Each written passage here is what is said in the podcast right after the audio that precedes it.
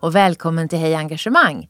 Hej Engagemang är ett initiativ som jobbar för ett mer engagerat, gladare och friskare land. Vi vill att människor ska få möjligheten att jobba med saker de brinner för. Inte för att de måste, utan för att de vill. Tillsammans kan vi skapa bättre förutsättningar för ett ökat välmående och lönsamma prestationer. Med Hej Engagemang får du träffa inspirerande personer som ger tips och insikt i hur du kan nå bättre resultat på jobbet och samtidigt må bättre. Nu kör vi! Hej alla som vill se ett mer engagerat och digitaliserat Sverige. Nu har grundarna till Hej Engagemang och Hej Digitalt skapat ett helt nytt möteskoncept. Där får du gå från höra till att göra. Alla som är med får kavla upp ärmarna, vässa geniknölarna och vara medskapare av nya lösningar och idéer. Den 6 maj 2019 är det dags för Hej Sverige på Vasateatern. Gå in på hejengagemang.se eller hejdigitalt.se och se hela programmet och alla fantastiska medverkande. Där anmäler du dig också, vilket vi hoppas att du gör bums! Hej och varmt välkomna till ett nytt avsnitt. Idag gästas vi i podden av en person som kan det mesta om hur och varför vi fattar beslut. Hon är till och med doktor i ämnet. Varmt välkommen Mona Ria Backe. Tack så mycket. Hur brukar du beskriva vad du jobbar med? Bra fråga. um, nej, men jag eh, föreläser ju om det här med beslutsfattande eh, och håller workshops om beslutsfattande. Men inte bara beslutsfattande, för det, allting är ju nästan beslut egentligen. Utan det är också mycket ledarskap eller hur vi går igenom förändringsprocesser och sådana saker. Sen kan vi också vara med ibland och stötta företag eh, under en längre tid om man vill göra förändring på riktigt. För det tar ju ofta lite längre tid än vi skulle önska. Eh, hur skulle du säga att, eh, om du beskriver dig själv, när är du som mest engagerad i ditt jobb? Ja, men det är ju när man kommer närmare organisationen. För när man föreläser för en stor publik, då är man ju inte så nära. Man är engagerad i det man berättar om, men du kommer ju inte så nära människor. Så det, det som engagerar allra mest, det är ju när man får insyn i hur, hur en grupp eller en avdelning eller en person eh, fungerar i när det gäller just det med beslutsfattande, men också andra saker. Det kan handla om att våga och hur, hur vi leder i förändring och sådana saker. Jag har förstått att du träffar väldigt många olika typer av grupper och du har rätt så bra koll på hur det står till där ute i Sverige. Vad skulle du säga är, eh, vad, är vad har svenska organisationer och företag mest problem med just nu, våren 2019? Jag skulle säga att det som utmanar allra mest, det är det här med osäkerhet. Eh, att fatta beslut under osäkerhet, för vi lever i en så komplex värld. Det förändras hela tiden och vi vill gärna veta. Vi har ju också en massa teknik och, som, som utvecklas hela tiden och blir bättre och bättre som ger oss möjlighet att strukturera fakta och information och sånt. Men vi vill ändå veta ännu mer. Vi, vi skulle ju vilja se in i framtiden. Eh, det här med osäkerhet är ju väldigt läskigt. Många gånger måste vi fatta beslut utan att veta riktigt hur det kommer bli. Varför bara... är det så du som har forskat? Varför är osäkerheten så obehaglig? Det är rent mänskligt skulle jag säga. Eh, vi är trygghetssökande personer eh, i grund och botten. Det är, det, det är det så vi är gjorda. Hjärnans viktigaste uppgift är ju att se till att vi överlever. Det är det allra mest Och då är det okända ett hot? Det okända är ett hot. Mm. Det, det, innebär risk och, eh, eller potentiell risk. Hur ser du det här? Hur märker du det här att det, är, att det finns en sorts stress över osäkerhet? Att folk eh, kanske väntar lite längre än man skulle behöva ibland. Eh, man vi är ju kulturellt ganska konsensussökande just i Sverige. Att vi vill gärna att alla ska vara med på båten för då är det ju inte en person som har tagit något fel, eh, potentiellt felaktigt beslut i slutändan utan då har ju alla varit med. Eh, det känns tryggare också. Men handlar det alltså om att, att vara rädd för att eh, att inte fatta rätt beslut eller att, att det ska falla på, tillbaka på att det är jag som har varit med och fattat fel beslut? Alltså vad, vad handlar osäkerheten mest om skulle du säga? Jag tror det är en kombination. Um, för nio av tio beslutsfattare som jag träffar och frågar vad är det som är så svårt, de säger just det att det kan ju bli fel. Vi gillar inte att göra det vi kallar misstag. Ehm, vi har kanske en lite felaktig eh, syn på det här med misstag. Det kan ju handla om att du faktiskt har visat att du är modig, du vågar prova någonting nytt. Apropå det här med att vi ska vara innovativa, kreativa. Och, eh, då måste vi ju ofta fatta beslut där vi inte vet hur det kommer att gå. Sen menar inte jag att man ska göra misstag på misstag, samma misstag om och om igen, för det, vi måste ju också lära oss av misstagen. Men att våga göra saker är så otroligt viktigt idag. Eh, för att det är så komplexa situationer vi står inför. Vi kan inte ha alla fakta på bordet. Så du menar att göra, du menar att fatta ett beslut att gå vidare fast du inte har hela bilden. Alltså ta, ta gå till Ibland handling måste vi är faktiskt. viktigt. Absolut. Mm. Mm. Så vad är ditt råd då? Hur ska organisationerna göra för att lösa det här, eh, det här problemet? En, ett tips som jag brukar säga är att just premiera mod. Att belöna, för vi har ju ett väldigt, eh, vårt belöningssystem i hjärnan styr oss väldigt, väldigt mycket. Om man också blir belönad för att du var modig, att du vågade göra någonting annorlunda, att det lyfts och inte bara de här framgångshistorierna. För då blir det undermedvetet så att det betyder att är det bara framgångshistorierna som lyfts, då betyder det att det som inte funkade, det var dåligt. Det blir liksom en undermedveten tolkning. Och det undermedvetna, det styr oss i allra högsta grad när vi fattar beslut. Det är någonting som jag tror att vi ska prata mer om egentligen, att de flesta beslut... Hur spökar det undermedvetna? Det, det uttalar sig i allt, skulle jag vilja säga. Ehm, för att det är där som det känslomässiga systemet finns i beslutsfattandet. Och känslan är alltid snabbare än tanken. Det hinner först. Är det så att det inte är något vi ofta adresserar därför vi tycker att det inte är rationellt, inte ska vi prata om det på jobbet? Eller har du mött organisationer som har förstått att vi måste ta upp även det som är emotionell del av det här beslutet? Det har jag. Ehm, men eh, det är inte väldigt många skulle jag vilja säga. Det, handlar om ett fåtal. Framförallt efter att man har lyft det här i föreläsningar och sånt. Att vi faktiskt får öppna upp om att vi är inte så logiska och rationella alla gånger. Men för det hyllas ju väldigt högt fortfarande, att vara rationell och logisk. Eh, och idag när vi har så mycket information så kan vi ju nästan få vilket beslut som helst att se rätt ut genom att vi lyfter vissa saker. Att vi kan ju alltid... Eh, Vi sminkar upp beslutet. vi sminkar upp det, ja men det kan, precis. Det kallas eh, också framing på forskarspråk. Egentligen handlar framing om hur man, hur, vilken typ av information du visar upp. Att du kan få olika eh, påverkan på människor. Att beroende på vilken information du ser så kommer du fatta beslut på ett visst sätt. Ehm, så att det påverkar ju jättemycket. Eh, och att våga prata om de sakerna. Att våga vara lite kritiskt tänkande, både på sig själv och för resten av gruppen är otroligt viktigt. Vad kan man göra mer? Du säger eh, var mer modig. Var mer när du hjälper organisationer som har liksom fastnat och där beslutsfattandet blir för långsamt och organisationen liksom behandlingsförlamad för att det är så mycket osäkerhet. Vad ger du mer för råd då? Det är en komplex fråga att, att säga sådär, men man skulle kunna säga att några saker som är väldigt viktigt, det är just det här med ansvarstagande, att det ska tydliggöras.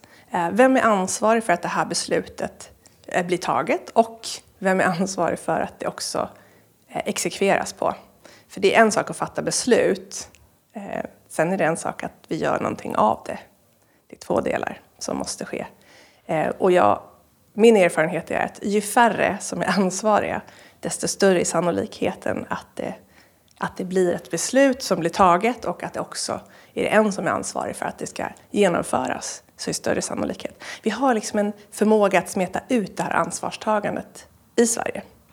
Eh, Det ska, alla ska vara med, alla ska vara med och tycka till, alla ska vara med och fatta beslutet. Och ju fler det är, desto svårare är det att fatta ett beslut. Så vad ser du för utmaning när det gäller att vara ledare då? um, i, i, den här, uh, i den här komplexa världen? Vad, vad är ledarnas stora utmaning som de måste klara av? Ja, de har många utmaningar i det här. Ehm, men vad gäller, om vi fokuserar på beslutsfattande, då, då tycker jag det är viktigt att man, om man till exempel samlar en grupp som ska vara med och fatta beslut, tydliggör vem är det som är, varför är folk här? Vad är min roll i den här gruppen? Eh, vem är det som har det yttersta ansvaret? Det kan ju vara så att alla får tycka till, men att det kanske är då chefen som fortfarande fattar beslutet. Att, att våga vara tydlig eh, är otroligt viktigt. Och eh, transparent, ja. låter det som att du säger också. Ja. Och vad är det, om vi skulle säga, vad är det för förmågor som organisationer och företag behöver mer av? För att lyckas bli mer handlingskraftig, för att få upp tempot och också få upp engagemanget, tänker jag. För det är inte engagerande med stillestånd. Det är det ju verkligen inte. Det måste hända saker. Men jag tror också att vi behöver sätta ihop grupper som är mer olika varandra. För det visar forskningen väldigt tydligt att beslut som tas av väldigt homogena grupper eh, ofta är sämre. Därför att vi har ju en förmåga, vi ser ju på världen på olika sätt. Det finns inte en enda sanning. Det är nästan, det är nästan omöjligt att vara helt objektiv. Hur mycket du än försöker så kommer ditt sätt att se på saker att färgas av vem du är, vilka dina erfarenheter är, vad du vet och så vidare. Eh, och sätter man ihop människor med lite olika perspektiv så kommer ju den här bilden av verkligheten att bli mycket bredare än att vi bara zoomar in på ett, en delmängd helt enkelt. Mm. Och det kan vara människor som jobbar med olika saker, det kan vara människor som har olika lång erfarenhet av mm. ämnet. Olika kunskap, olika sätt att se på saker helt enkelt. Kanske kan vara personer som kommer utanför den, e utifrån den egna, utanför den egna organisationen också. Absolut. Mm. Det, det brukar vi säga, vårt största bidrag är oftast att vi kommer utifrån, för man blir hemmablind. Hur mycket man än försöker så, så blir man ju man blir uppslukad i den kultur man är. Eh, så det är otroligt viktigt att ta in folk eh, utifrån ibland, bara för att kanske ställa de där frågorna som inte blir ställda eller fundera över, är det verkligen så här vi ska göra? Eller borde vi göra så här? Eller vad händer om vi gör så? Utifrån din kunskap om beslutsfattande, hur kan man ändå skapa trygghet i en grupp om man blandar väldigt mycket, får väldigt mycket mångfald? Jag tänker kanske personer som inte har varit så länge i verksamheten, kanske att man tar in en kund som inte alls är så van att jobba tillsammans med mm. den här organisationen, folk av olika ålder, etnisk mångfald. Hur, hur skapar man trygghet för beslutsfattandet när det är hög mångfald? För då blir det också ganska hög komplexitet. Det handlar ju, dels handlar det också om att du måste vilja. För att det ser jag många gånger att många säger att ja, men, eh, vill man verkligen fatta det bästa beslutet? Eller vill man fatta det som är bäst utifrån min sits eller vår sits eller man gaddar ihop sig på något sätt utifrån mitt perspektiv? Vill vi fatta det bästa beslutet för hela företaget eller för vår avdelning. Att vi jobbar väldigt mycket i det man kallar silos fortfarande. Vi, vi glömmer bort att perspektivet, det ska ju egentligen vara hela, engagemanget ska gälla hela företaget. Att vi, det, kanske, det här beslutet kanske gör att det inte blir lika bra för just vår grupp eller delmängd. Men det kommer bli bättre på sikt för, för helheten. Mm. Och sen handlar det någonting som är väldigt viktigt att, lyfta också, det är det här kortsiktiga versus det långsiktiga perspektivet. Därför att vi har en förmåga att tänka ganska kortsiktigt. Och ju mer stressade vi är, ju mer komplext det är, desto kortsiktigare tänk får vi. Vårt fokus blir väldigt kortsiktigt. Ska vi fatta riktigt bra beslut och vi ska ta oss in i framtiden på bästa sätt, då måste vi också tänka långsiktigt. Vi måste växla mellan de här två perspektiven. Det glömmer många bort. Jag älskar dina enkla svar. För att den kontrollfrågan, vill vi fatta bäst beslut för helheten? Handen på hjärtat. Den, den är ju genialiskt enkel, men bara kring den kan vi ju skapa mycket engagemang. Mm, absolut. För det, om, om, vi svarar ärligt, om vi svarar ärligt. um, du, du, eh, du, beskriver ju uh, att ditt uppdrag är också att hjälpa människor att utvecklas och våga mer. Mm. Eh, om, om jag, jag försöker läsa på om dig. Mm. Eh, vad, vad behövs för, eh, för typ av hjälp för att en individ ska kunna ta kliv utanför sin komfortzon? Dels också, du måste ju vilja. Vilja våga. Eh, men sen så också, handlar det också om vad, vad, är det som är läskigt för dig? Vad är, förstå sig själv är en väldigt, väldigt viktig del i beslutsfattande. Dels förstå hur vi människor generellt funkar, men förstå sig själv.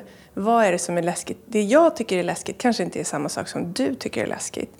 Ehm, och vill jag komma till bukt med den här äh, rädslan eller farhågan på riktigt, då måste jag också göra, vad vill jag göra någonting? Och det kanske kommer innebära lite jobb.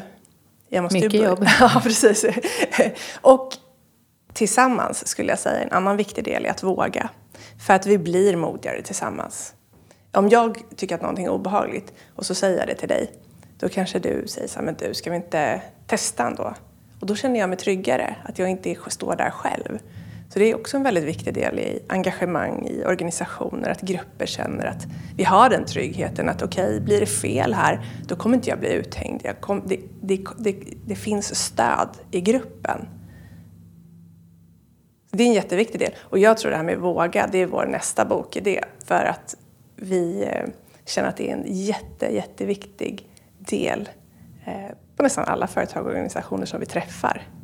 Men om vi tar då eh, att, du, du, att, att fatta bättre beslut då som gör att jag börjar våga mer. Jag säger ja kanske till att hålla ett föredrag på vår internkonferens eller jag kanske tackar ja till att coacha ett antal medarbetare. Någonting som jag, för mig är det att gå utanför min komfortzon. Ja. Hur fungerar min hjärna då när jag tar beslutet och sen när jag ska faktiskt följa, följa mitt beslut? Du som kan det här.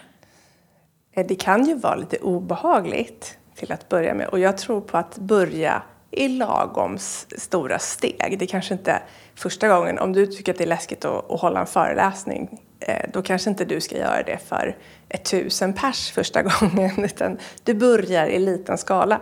Man, det är lite, inom psykologin kallar man det här för betingning. Man, man börjar lite grann med någonting som man tycker är obehagligt och så, så tar man ett lite större kliv och så lite större kliv för att Annars kanske du blir helt paralyserad när du står där och ska göra det här obehagligt. För att liksom hela tiden bekräfta och bygga, fram, bygga på det här. Det är liksom, än en gång belöningssystemet. Jag klarade det här.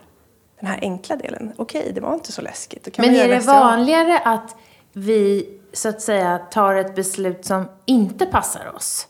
För att vi, vi vill vi vill på fatta något sätt... beslut. Ja, fatta ja. rätt beslut eller det förväntade beslutet eller jag borde nog klara det här. Hur, hur... Jag kan inte säga att det, det, här är, jag har inte forskat på just det, men jag tror att vi eh, alldeles för ofta fattar beslut utifrån vad vi tänker att andra ska tycka är det bästa beslutet. Eller andra tycker att det här är rätt. Um, hur, har du tänkt någonting på det här med hur vi kan se till att beslut vi fattar kan bli mer engagerande för oss själva och för våra medarbetare. Alltså hur vi i sig funderar kring att det här kommer vi nog också att genomföra för att det här engagerar. Mm. Att engagera, återigen så måste man ju rikta sig hela tiden till det undermedvetna. Det mesta som sker inom oss sker på det undermedvetna planet. Eh, beslutsfattande. Jag skulle säga att det är bara en ytterst liten procent som egentligen är det medvetna. Eh, och här regerar ju känslor. Fakta och statistik har väldigt lite att säga till om.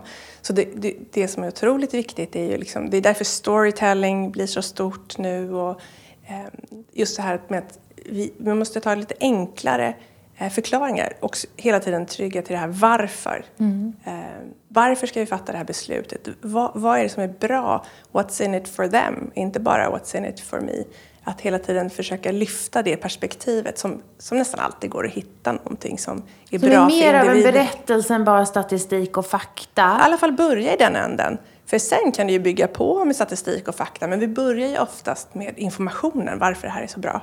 Eh, fånga eh, de som ska också kanske vara med och genomföra det här beslutet. Eh, vad, vad är det som är bra för dem? Varför ska vi göra det här? Hela tiden koppla till den. Och sen kan man bygga på Absolut, för att bekräfta. För vi, vi är ju, jag säger ju inte att vi är rationella helt, vi har ju en rationell eh, del i hjärnan också som, som, som vill förstå och eh, skapa sammanhang.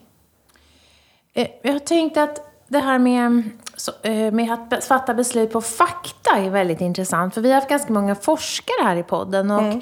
Vi har pratat med många också, personer som inte är forskare, om att de gärna har fakta. Till exempel när de ska ta beslut om um, ett förändringsarbete för att förstå bättre hur hjärnan fungerar och hur människor fungerar. Um, men ändå är vi ganska, uh, ganska mycket så att vi vill gå på magkänsla. Mm. Det är något fint i Sverige att använda magkänsla. Eh, till hellre magkänsla då än fakta. Men hur kan vi slä våga släppa det att gå på magkänsla till fördel för faktabaserade underlag? Ehm, jag är inte säker på att jag håller med om att det är fint att gå på magkänsla. Många gånger så vill vi ju rättfärdiga beslut med en massa fakta. Det var det jag var inne på tidigare, att vi kanske lyfter fram den faktan som, som stöttar det vi känner. Ehm, så en, återigen, vill vi verkligen fatta det bästa beslutet, då måste man strukturera upp det här. Det, det går inte bara att säga att ja, men det är för, för de här siffrorna. Du måste ju strukturera upp. Varför är det viktigt? Eh, vad är det som är fokus för det här beslutet? Och hur har vi sett på det? Så man verkligen, eh, det, är ju, det är lite mer komplext än att bara säga att det här är bäst. Utan då, då måste strukturera upp det. Eh, men att vilja det också.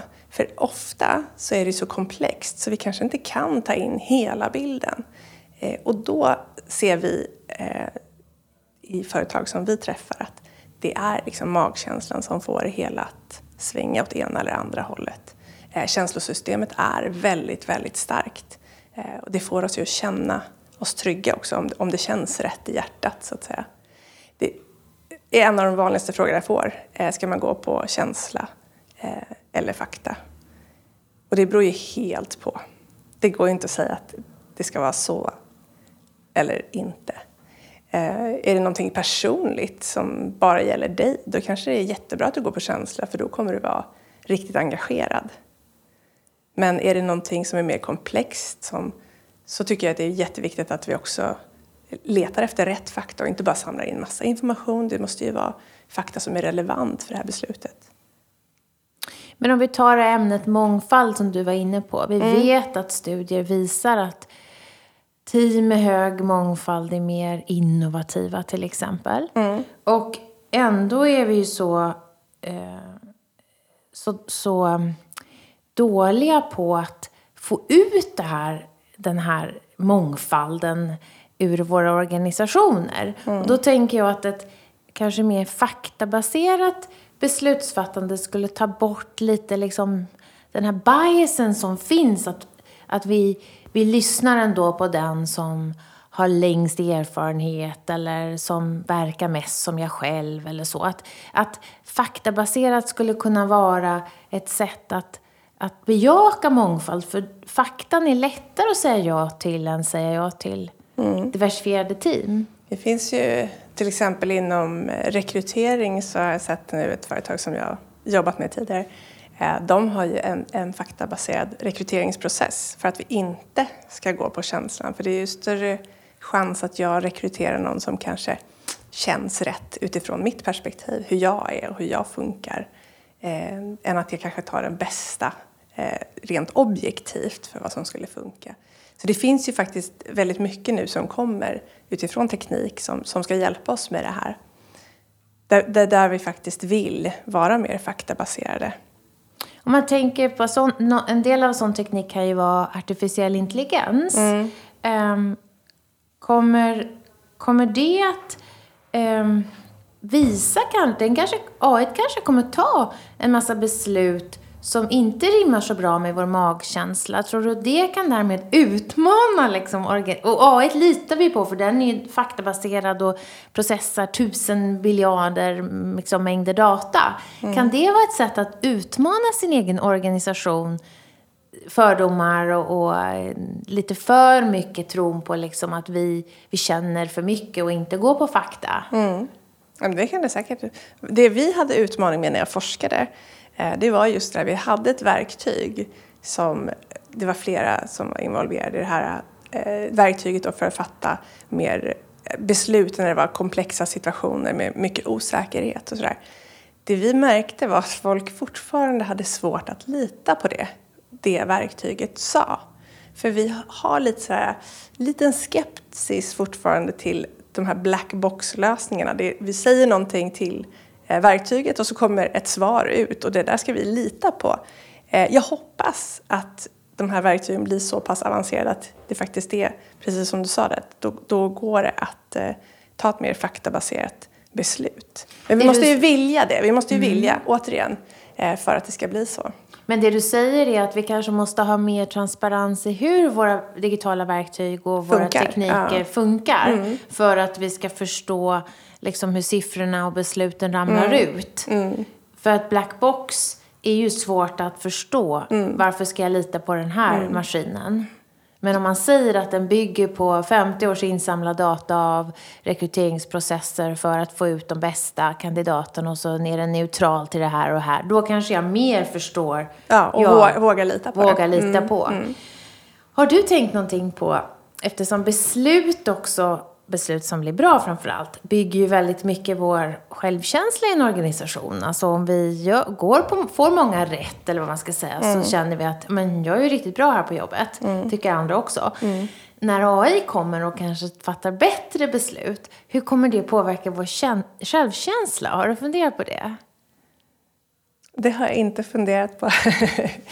um, men jag tror ju samtidigt att uh, jag menar, vissa typer av beslut vågar vi inte ta riktigt för att ibland väntar vi så länge att vi liksom aldrig fattar ett aktivt beslut för att vi är så osäkra på, då kanske det är en trygghet att ha ett eh, AI-verktyg som hjälper mig. Eh, då, då är det det som har tagit, som får ansvaret för om det blir fel också, så att säga. Exakt. Mm. Det har jag inte tänkt på, att då kan du så att säga skylla på AI. Ja, precis. Mm. Och sen så måste vi komma ihåg, för apropå det här med att våga, att alla beslut kommer inte att bli rätt. Särskilt inte om du jobbar med innovation och du vill göra nya saker. Det kommer inte att bli rätt. Eh, det är liksom en del av verkligheten och det är okej. Okay. Och när vi jobbar med innovation så vill vi ju testa hypoteser och vi vill ibland eh, få ett, att det inte funkar för då vet vi att den hypotesen inte funkar. Mm. Kan vi ställa upp en annan mm. och testa den? Mm. Så att istället för att säga att vi misslyckas kan man ju säga att vi lär oss. Mm. Eh, vi vet ju att självledarskap är väldigt viktigt för, för eh, engagemang. Att vi känner också en känsla av autom autonomi. Mm. Och det vet jag är någonting som du också jobbar med. Eh, du jobbar med individer och organisationer.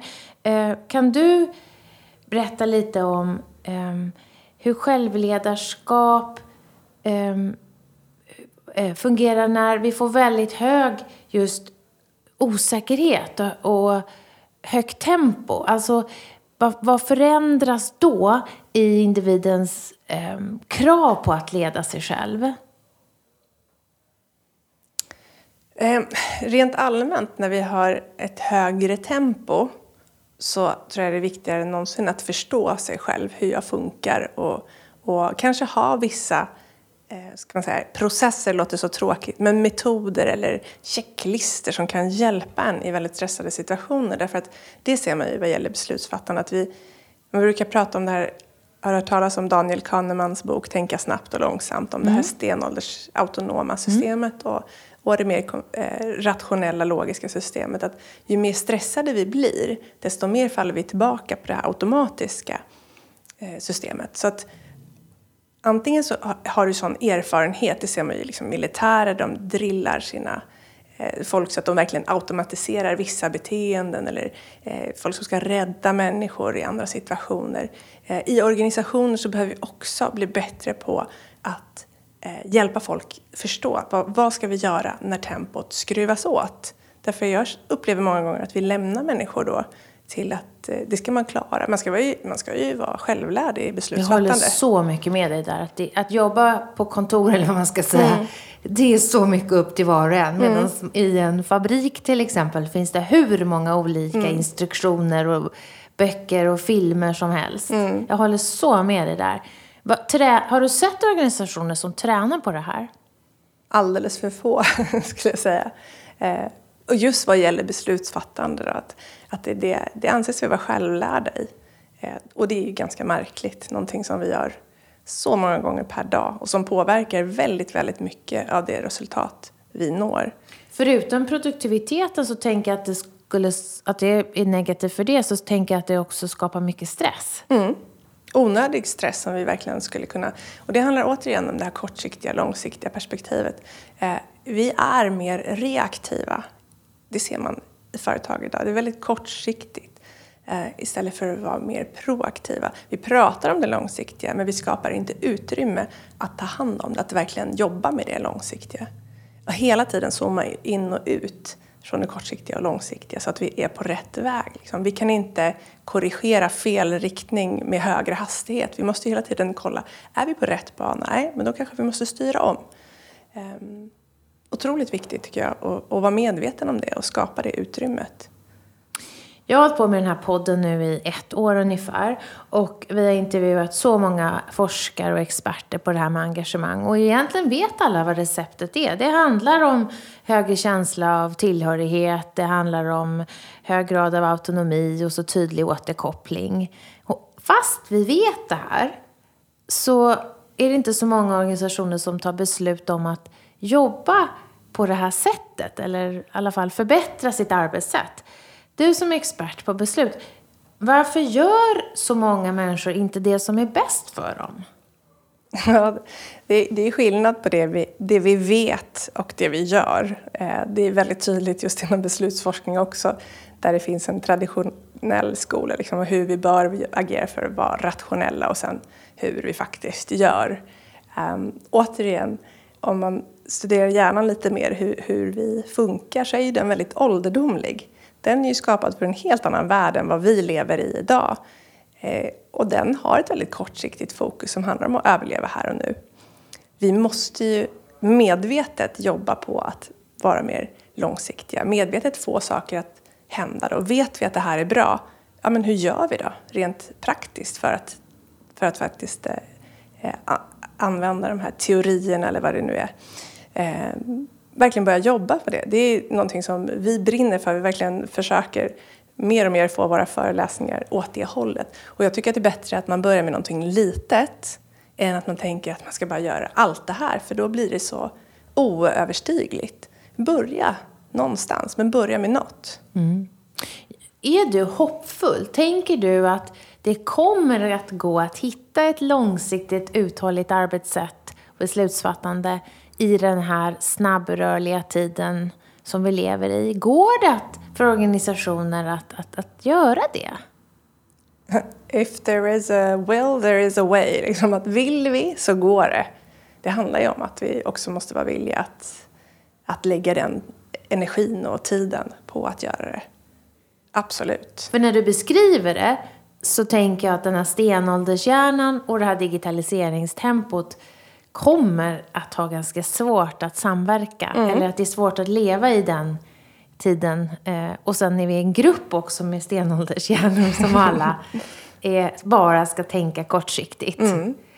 Det här är väldigt skulle vara väldigt bra om man förtydligar när man går in i en beslutsprocess. Så här ser vi ut. Mm. Det här är fallgroparna, därför så här fungerar vi som människor. Men mm. jag har aldrig, trots att jag har suttit i så många möten där vi tar beslut, mm. aldrig hört någon som tydliggör själva beslutsprocessen före vi går in i den. Nej.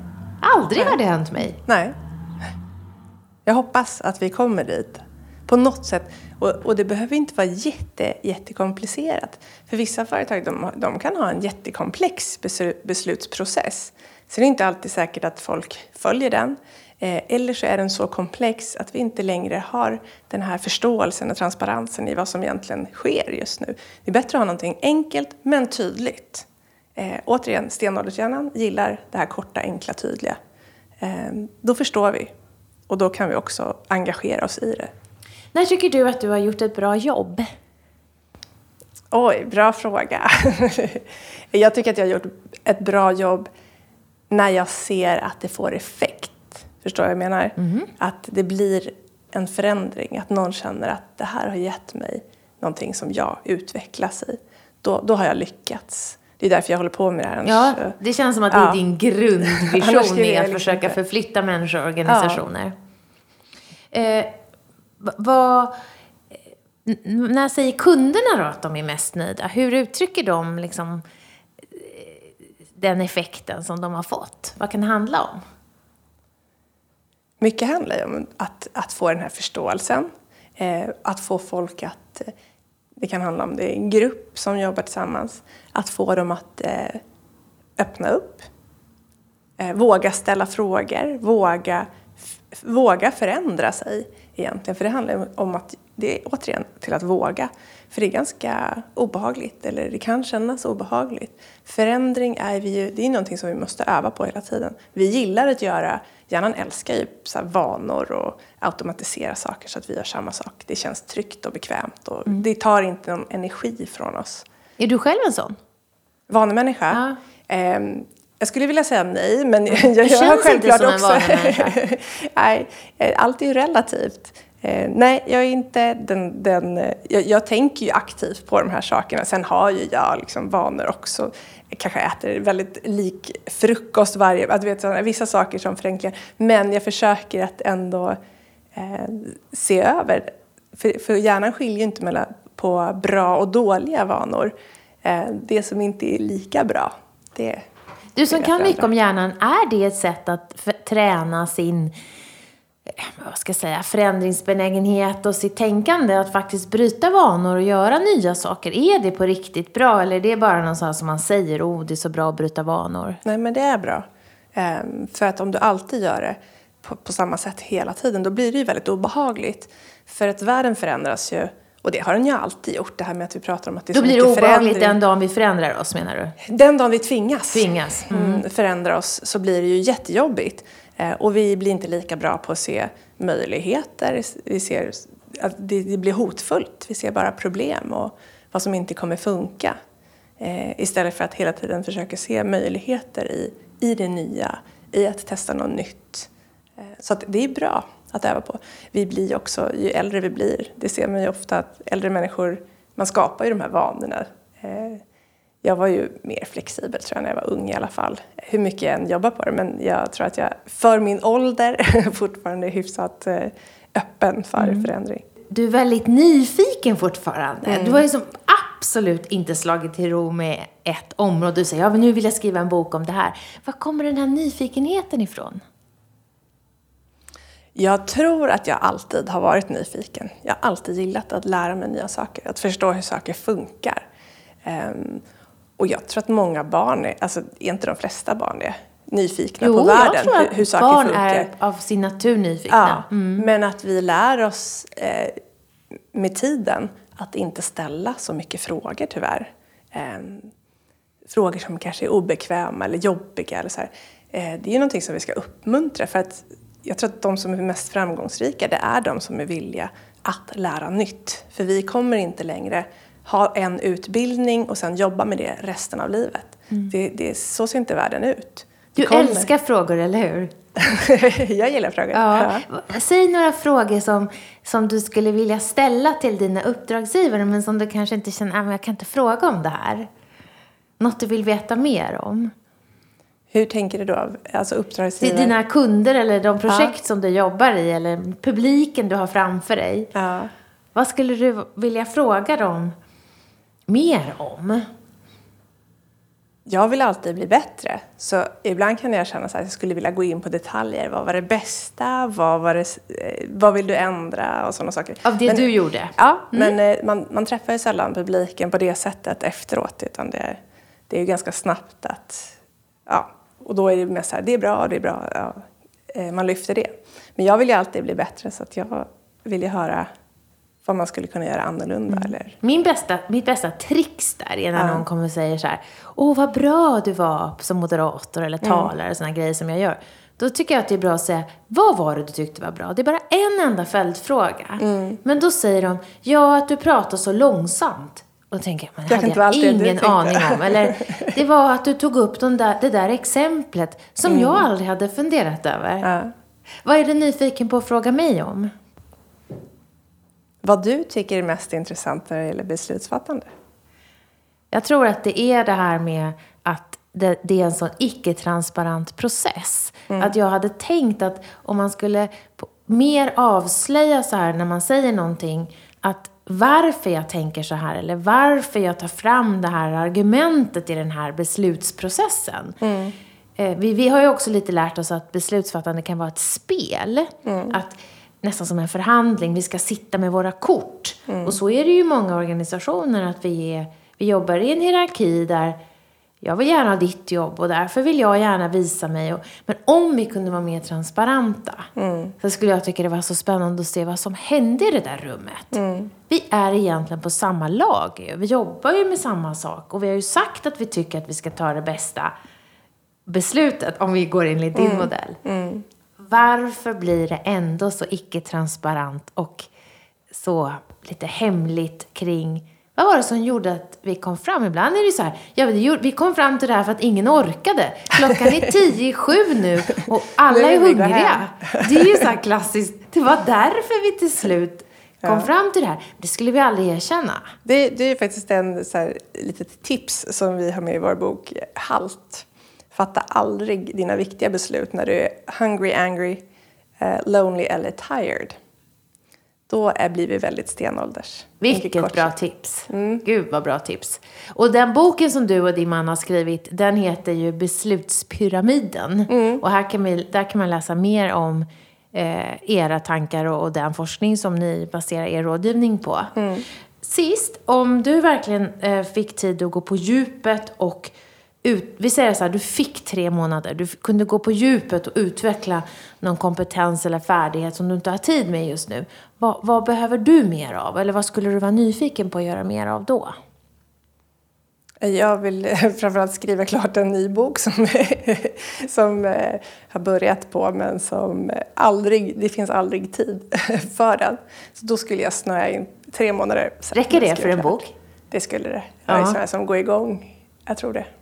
Och så frågar jag alla som kommer hit att om du fick rollen engagemangsminister och eh, fick eh, uppdraget att förbättra engagemanget i svenska, svenska företag och organisationer. Vad skulle du fokusera på att göra då? Eftersom vi vet att medarbetarengagemanget i Sverige är så himla lågt. Mm. Jag skulle försöka få människor, eller få just det här som du var inne på tidigare, det här med att vi vet väldigt mycket om vad vi borde göra eller hur vi ska leda en grupp. Hur vi faktiskt får det att hända i praktiken. Det finns så många Alltså, man ska ju tycka att det är kul att gå till jobbet. Tycker man att det är kul, då kommer man vara produktiv, man kommer vara engagerad, man kommer ge. Ehm, det ska vara roligt. Det är alldeles för många som går till jobbet och inte tycker att det de gör är roligt. Och sen behöver det inte vara så att du tycker att varje dag är kul, men på något sätt ha ett intresse och brinna för det du gör. Eh, jag tror att vi skulle uppmuntra folk att kanske byta jobb lite oftare. Att våga det. Testa någonting annat. Eh, så att vi hamnar där vi faktiskt vill vara. Eh, sen kanske inte alla vill jobba, men jag tror att de flesta kan hitta någonting roligt i, i arbetslivet om de, om de bara vågar testa runt lite. Och nu ser Mona jätteglad ut för att du, jag känner att du jobbar verkligen med det du gillar. Ja, det är det underbart. Och jag gillar att göra den här podden för att höra alla gästernas fantastiska tankar och goda råd och långa erfarenhet. Stort tack för att du var med oss idag. Ja, men kul att ni ville ha mig här. Tack alla lyssnare. Vi är snart tillbaka med ett nytt avsnitt. Hej då! Hej då! Vi hoppas att vi har väckt tankar om hur du kan bidra till ett mer engagerat Sverige. På hejengagemang.se kan du hitta mer inspiration och tips kring hur du som individ, ledare och organisation kan jobba för att skapa ett ökat engagemang, välbefinnande och nya resultat. Tack för att du har lyssnat!